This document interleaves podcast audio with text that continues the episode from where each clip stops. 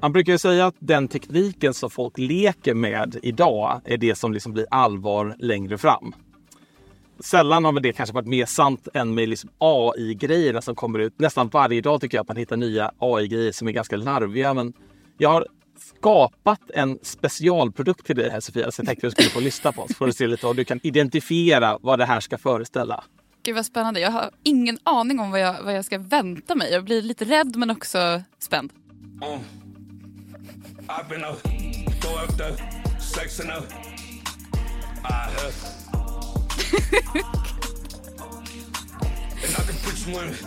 jag blir jätteilla till mods av det här.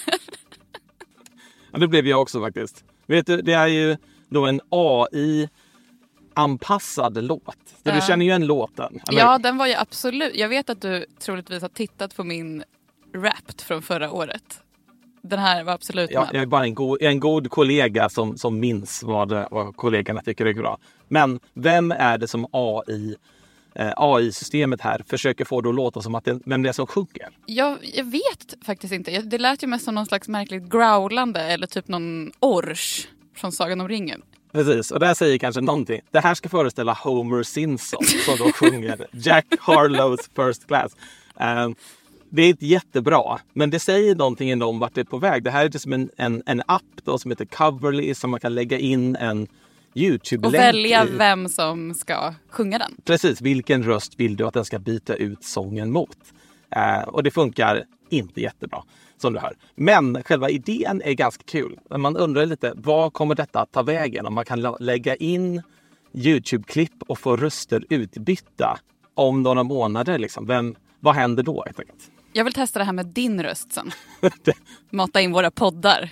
Be den sjunga en låt i, i stilen av Björn Jeffrey.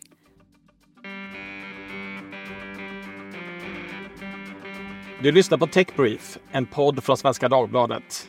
Jag heter Björn Jeffrey och är tech-analytiker. Och jag heter Sofia Sinclair och är techreporter. I veckans avsnitt pratar vi om varför Kina vill att dess invånare ska lägga mindre tid på dataspel. Vi lär oss om den okända klangrundaren i en ny bok och vi tittar på årets hittills hetaste förkortning.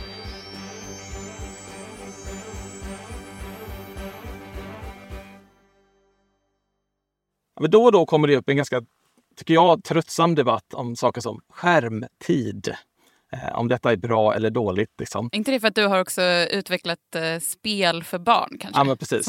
Jag, jag har redan haft det här samtalet i över tio år så jag, jag, är, jag är personligen lite trött på det. Men när man lyssnar in hur saker och ting kan låta i Kina så förstår man att det hade kunnat vara värre. Lyssna på den här beskrivningen.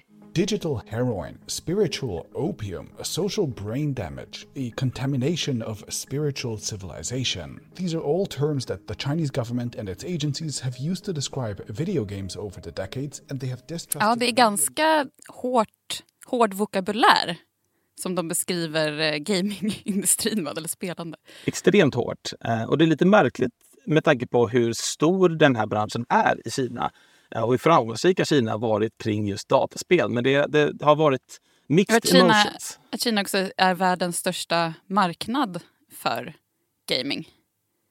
Precis, eh, och det är det vi ska prata om lite idag. För de, precis här innan, innan jullovet så kom det nya regler. Eh, kinesiska myndigheter kring detta liksom uttalar sig i tid och otid om olika saker. Eh, för några år sedan så hade de ett jättelångt stopp där de måste då godkänna varje spel som kommer ut. Men då stoppar de det under flera, mm. flera månader. Så kom liksom inte ett enda kinesiskt dataspel under lång tid. Men nu precis innan jul så kom det en nya regel som sa att nu måste vi få folk att sluta spendera så mycket pengar på dataspelen. Eh, fångade du detta när det här kom upp? Ja, men jag, jag såg det absolut. Framförallt med tanke på reaktionen på, på börserna i Kina. Det var ju enorma eh, ras för de stora spelbolagen i Kina. Det var väl 80 miljarder eller någonting som, som eh, utraderades där. Det gick väldigt, väldigt fort. Det verkar ha gått kanske lite snabbare än vad de ens hade tänkt sig. För egentligen så handlar de här reglerna om ja, men hur man gör i praktiken för att få folk att komma tillbaka och spendera pengar. Så det handlade mm. mer om att du får inte ge för stora bonusar till folk som, som loggar in på spelet varje dag. Ja, liksom belöna, det, belöna att man använder det mycket och länge helt enkelt. Ja, Ja. man, det fick man inte riktigt göra. Så det var liksom inte så här, du får inte tjäna pengar i spel alls, utan det var liksom, du får inte göra det på det här sättet. Eh, Men, men det, det tolkades då marknaden jättehårt att okej, nu kommer den stora spelregleringen igen. Mm. Det var också en formulering där som jag reagerade lite på. Det var att de ville förhindra tvångsmässigt spelbeteende. Ja. Eh, formulerade man det som. Det, det kanske man kan tycka är rimligt på någon principiell nivå, men, men, men det fick en väldigt stor effekt. Men sen så började de, verkar det som att de kinesiska myndigheterna då började ångra sig. För strax därefteråt så fick, de, eh, fick en av eh, cheferna fick sparken. Och nu har de börjat be om feedback. Då. De, har, ja, de har väl någon vecka kvar ungefär innan de ska liksom vara klara med den här ja, ska säga, remiss, remissen som den är ute på. De ska få feedback från spelbranschen och andra, andra i, i världen om, så här, om detta är en bra idé. Ja, för, det, för det, verkade ju vara, det verkade ju vara en anledning till att den här ehm, chefen som var ansvarig för reglering av, av eh, gamingindustrin fick gå. Då, att han inte hade tagit hänsyn till eh, relevanta bolags åsikter när man tog fram den här eh, förslaget på reglering. Det verkade ju vara ett stort problem där. Ja, precis. Man pratar om branschen, men den här branschen även i Kina är ju väldigt konsoliderad. Det handlar ju väldigt mycket om två stora företag. Det ena heter NetEase. De har bland annat ett eh, joint venture, alltså ett samarbetsbolag med Mattel. Det är leksaksbolaget som eh, har äger Barbie till exempel. Så de har ett, ett, ett gemensamt bolag. Och sen det andra då som är megajätten Tencent. Mm. eh, som, som är stora i, i hela världen och också väldigt stora i Kina. Men skälet varför börsen blir nervös tror, eh, tror man är att det finns en historia här av ganska stora begränsningar redan tidigare. Så man är lite osäker på hur man skulle tolka detta. Så för redan så här 2021 så kom den här då tidsbegränsningen. Där handlar det egentligen om, mest om pengar. Då. Att här, du får inte ja, du ska försöka få folk att spendera mindre pengar. Men 2021 så handlar det om att vi ska få folk att, att eh, lägga mindre tid på detta också. Så då fick barn inte spela mellan, mellan 10 och 8 på morgonen och de fick inte spela mer än en, en och en halv timme per dag. Vet du, vet du vad det här påminde mig om när det kom? Nej? Jag kände ju faktiskt Gud, jag vill inte utmåla mina föräldrar som att eh, dra någon parallell där med eh, kommunistregimen i Kina. Men det liknar ju de datareglerna som jag hade när jag var barn. När man hade en sån eh, väldigt eh, tjock dator i en, eh, i en garderob och fick sitta en timme eh, om dagen eller på helger, helger och, och kvällar. Så begränsningen för djur.nu i Västerås är detsamma som kinesiska spelmyndigheter 2023. Det det är bra. Um, eh, och sen så var det, och de har också haft den här, det här långa uppehållet då, när de egentligen inte ville godkänna några spel överhuvudtaget. Så det kom inga spel. Under, jag tror åtta, nio månader så kom det ingenting. Och det var ju också Eh, just någonting som, um, han när de bytte fot lite då, eller att man verkade vilja tona ner eh, det här hotet eh, om reglering. Att de helt plötsligt godkände drygt 100 spel där i december. Det var ju mer än vad de hade gjort på jättelänge. Det blev någon slags motvikt i det hela. Så nej, men det är inte så farligt. Det här, det här är kanske inte början av en ny ska säga, spelregleringsperiod för Kina ändå. Just eftersom, som du säger, de släppte på liksom open the floodgates och, och lät 100 spel eh, bli godkända. Strax över 100 till och med tror jag. Men så har det varit fram och tillbaka och börserna har fortfarande inte riktigt återhämtat sig efter den här initiala chocken. Vi pratar om den kinesiska spelindustrin och jag har tre spaningar här som jag tycker är intressanta kring den här, de här nya eh, myndighetsutvecklingen. Vad kommer hända liksom, i världen nu när Kina trycker till spelbranschen igen? Så jag tänkte testa dem på dig här.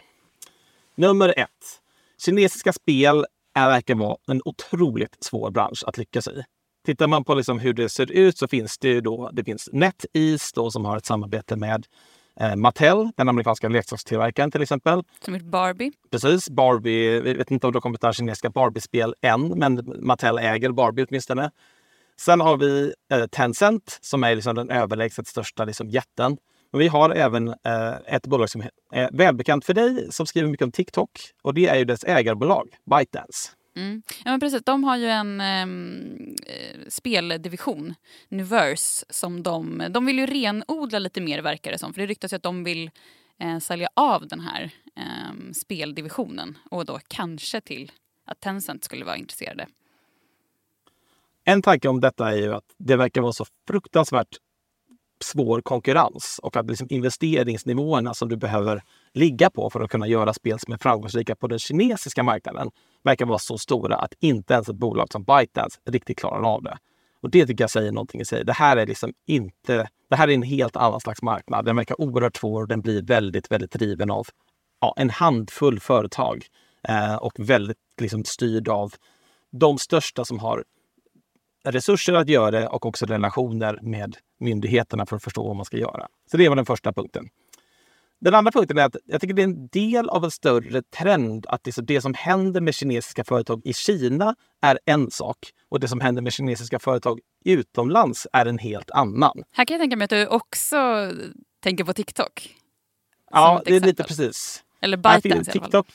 Ja, men precis. För att jag, jag, jag tänker, ByteDance äger ju både TikTok och då Douyin som ser ju i princip likadan ut som TikTok får vi ju säga. Eh, och TikTok skulle ju själva säga att de inte är ett kinesiskt bolag. Jag skulle nog säga att de är det. Eh, deras ägarbolag är åtminstone ett kinesiskt, eh, skulle jag säga. Men Douyin, då tittar man på den appen som då är, låt oss kalla det kinesiska TikTok i Kina, så ser den i princip likadan ut. Men algoritmerna som styr vilket innehåll som du ser är helt annorlunda. Den, inte, den prioriterar inte innehåll på samma vis alls ehm, för de kinesiska användarna som de gör för de europeiska, amerikanska och resten av världen. Det här är lite intressant. Eh, till exempel så har det ju varit ganska mycket snack om så här, ska man förbjuda TikTok i världen? Det verkar liksom inte, det verkar inte som, som en, en rättvis sak att göra, men det finns ju ingen som helst symmetri kring vad Kina förbjuder för sina egna medborgare. För där kommer det inte åt Instagram och det kommer inte åt Google och det kommer inte åt någon av de här amerikanska tjänsterna. Mm. Och samtidigt är de då väldigt eh, emot att man skulle eventuellt förbjuda TikTok i USA då, till exempel.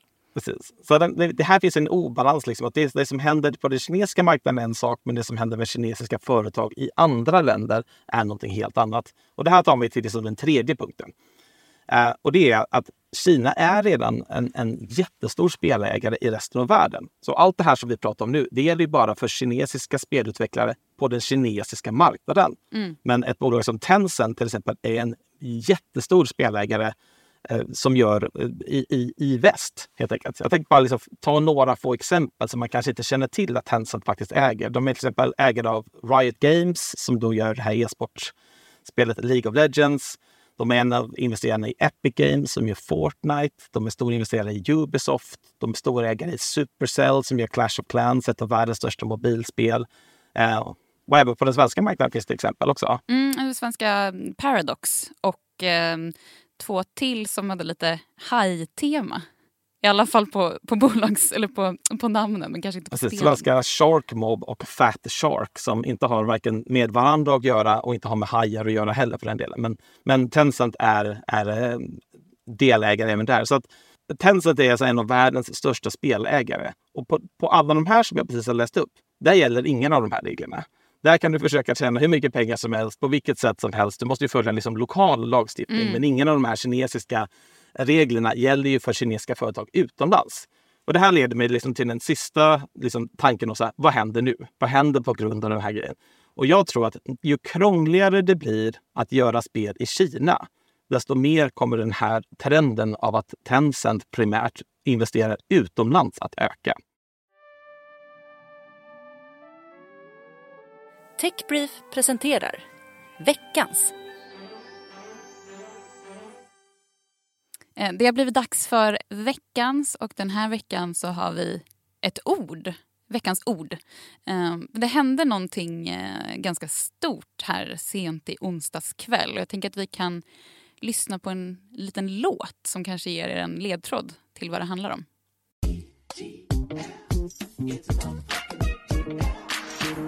We've been waiting for years. Well, they're finally here.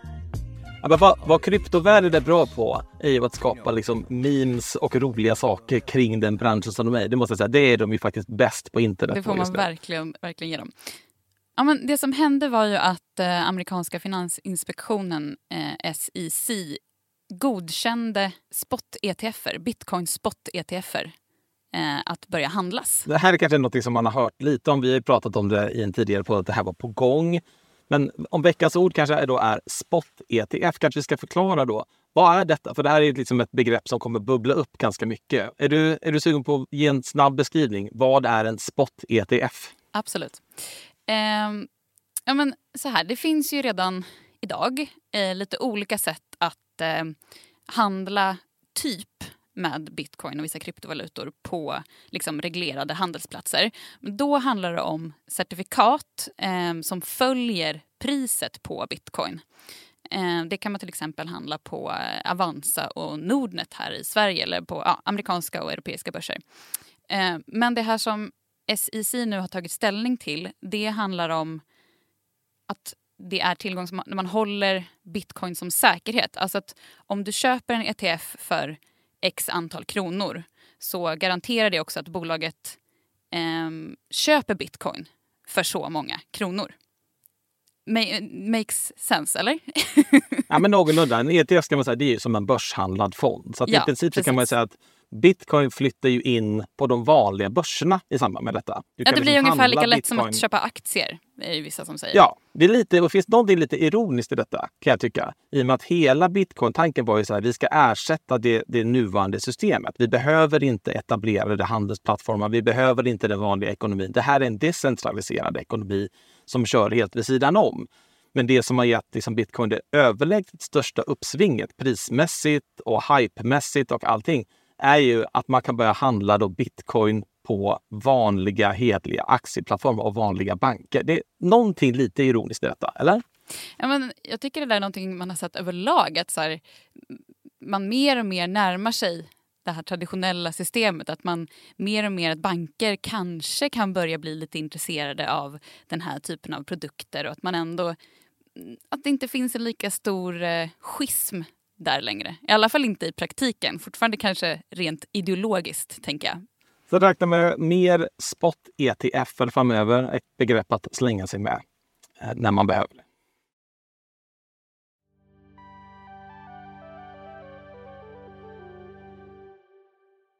Då är det dags för ett nytt avsnitt av Techbriefs bokklubb. Eh, och förra gången som vi hade Techbriefs bokklubb så hade jag och Erik läst varsin bok. Och den här gången så är det bara Sofia som har läst en bok. Så det är lite en, en annan take på hur man gör bokklubb här. Men Vi har lite andra regler här för, för vår bokklubb. Eh, inte konsekventa och inte konventionella, men eh, det funkar ändå. Men du har lärt dig någonting spännande från en ny bok som precis har kommit ut som handlar om Klarna. Kan du berätta? Ja, precis. Jag satte någon slags personligt rekord nu i veckan eh, när jag läste ut då hela den här boken under en arbetsdag. Också väldigt lyxigt att få läsa på arbetstid, även om jag liksom började se lite suddigt efter att jag hade köttat igenom den här pdfen på 319 sidor, ska sägas. Men det handlar om en helt ny bok som heter Den stora kreditfesten som är skriven av ekonomijournalisten Jonas Malmborg. Och den berättar alltså storyn om Klarna. Från att det var det här lönsamma men lite torra eh, kreditbolaget Kreditor till att det blev det här heta internationella men förlusttyngda betal och shoppingjätten som det ju är idag. Um, och det kanske ska säga här också att det kan vara lite spoiler alert på vissa saker. Bara om ni är sugna på att läsa boken så vet ni det nu och lyssnar på... Ni, ni borde fortsätta lyssna ändå, eh, helt enkelt. Men eh, en stor del av boken handlar om eh, eh liksom historien om grundarna.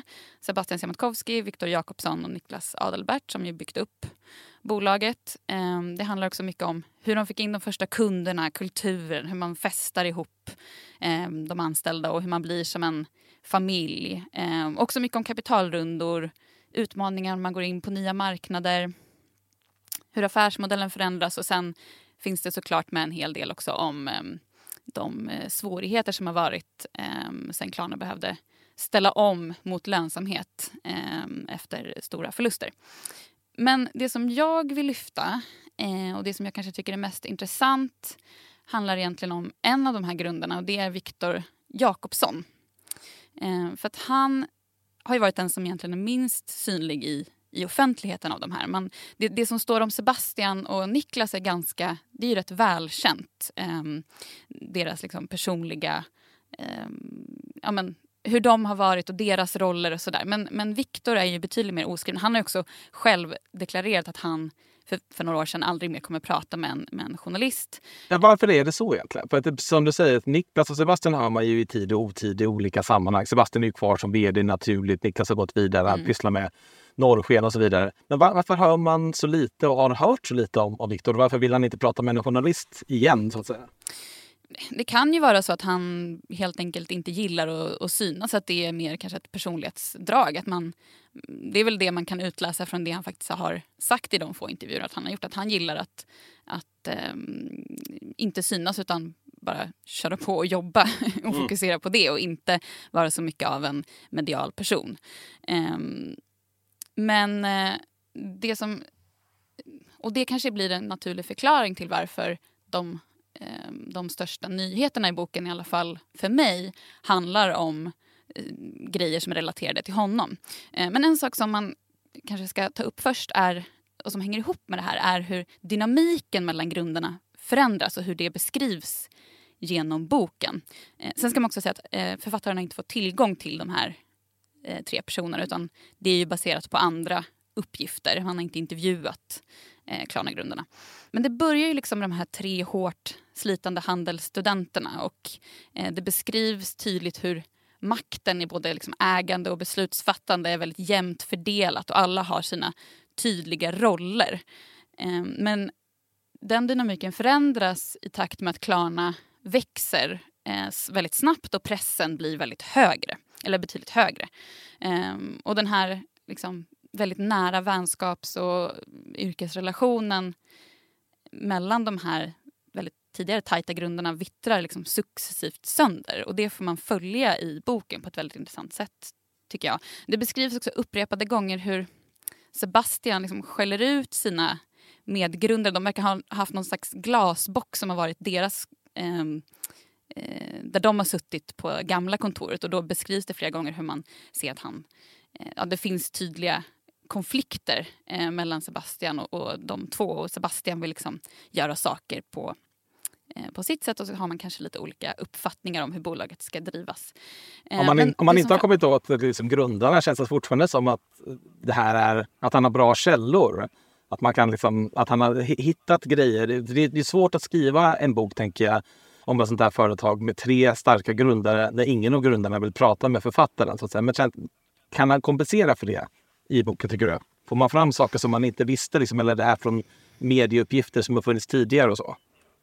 Mm, det är ganska mycket uppgifter som har funnits tidigare. absolut. Jag tror mycket är nytt för någon som inte... Jag menar, du och jag kanske inte heller är målgruppen här som själva bevakar Klarna och försöker ta reda på så mycket som möjligt. Men, eh, men det, är, det är ganska mycket som är känt men också mycket detaljer och framförallt hur man beskriver saker som händer som är nytt. Och sen har han intervjuat, det finns ju flera namngivna tidigare styrelseledamöter, styrelseordföranden eh, och olika personer som har jobbat på Klarna som är namngiva, namngivna och det är också anonyma eh, personer som har intervjuat som vill vara anonyma. Så att, ehm, ehm, det finns ju personer som har bevittnat det här ehm, också.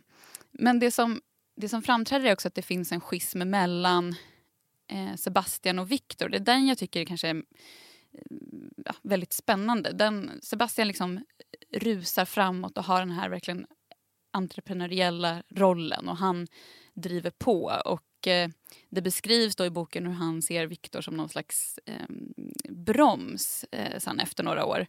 Eh, men också att Viktor då börjar stå på sig gentemot Sebastian, kanske på ett sätt som inte eh, andra riktigt gör eller eh, kanske Niklas inte riktigt gör. Och det, det verkar ju bottna i, man får bilden i alla fall utifrån boken, att eh, det handlar om att man har lite olika eh, sätt att, att eh, driva bolaget. Att Viktor som då var ekonomichef på Klarna i flera år, han eh, eh, lägger mycket tid på att fundera på hur mycket pengar som går in och ut i bolaget och liksom kassaflöde och eh, ja, lägger mycket tid på ekonomin. Eh, Medan Sebastian har ju liksom siktet på att få Klarna att växa eh, så, så snabbt, växa snabbare. Eh, och sen så händer en grej som, det här var i alla fall nytt för mig.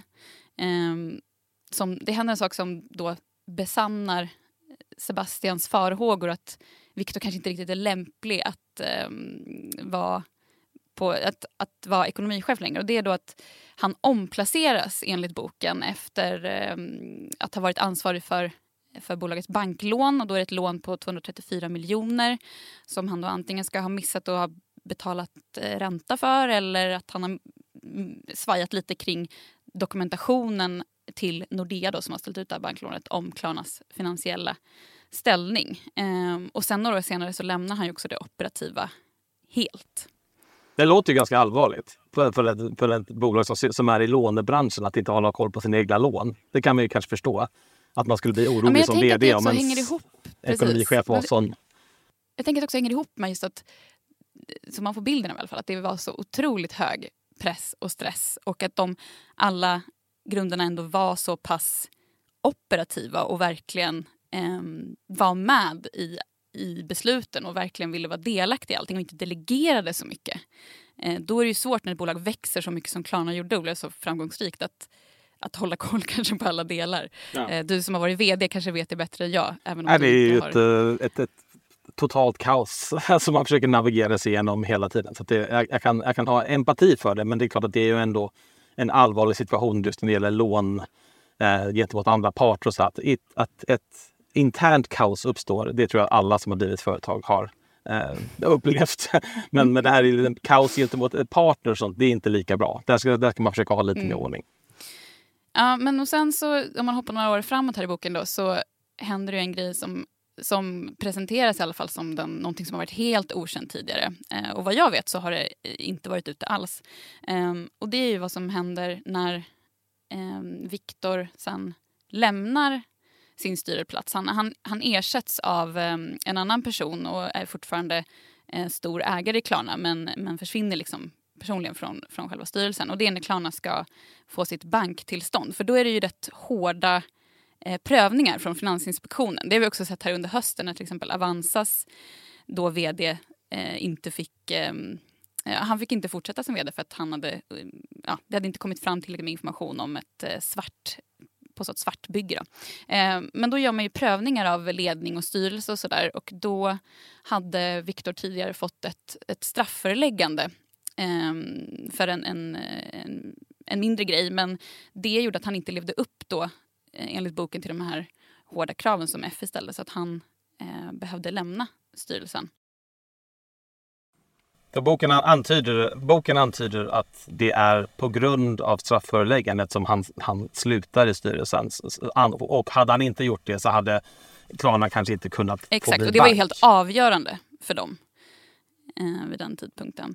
Och eh, det här är ju inte helt bekräftat men det är i alla fall så det beskrivs i boken. Men här kan man också ha lite, lite klädsam självkritik kan jag tycka eh, gentemot eh, mediebranschen. Att vi, att vi missade det här. Eh, jag tror inte att det har varit helt okänt men att man inte har gjort den här eh, kopplingen. Det, för det var ju ändå flera år sedan, det var ju 2016. Eh, det här det borde vi ha det borde vi ha haft koll på. Jag har inte hört det heller. På, på någon, jag har inte varken läst om det på något annat vis. Det är ju ganska en ganska stor uppgift att, att ta med i boken om det där visar sig stämma.